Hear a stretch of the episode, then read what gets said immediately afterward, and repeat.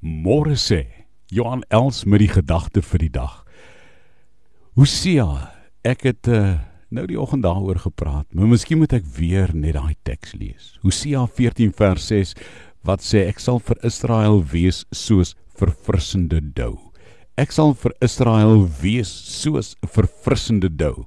Nou om hierdie woorde baie goed en reg te begryp, moet 'n mens kyk na die klimaatsomstandighede van Palestina daar in Israel. Is 'n land met 'n winterreënvalstreek. Die somertyd is April tot September wat ook die plant en die groei en die oestyd is.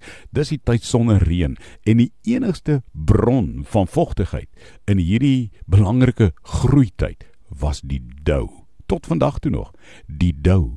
En in sommige gebiede daar in Israel en in die Midde-Ooste, in Palestina is uh die dou per maand selfs tussen 20 en 40 mm.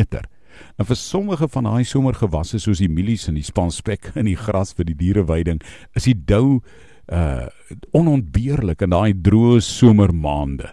Hoe belangrik dit regtig is, is dat hierdie dou so belangrik is.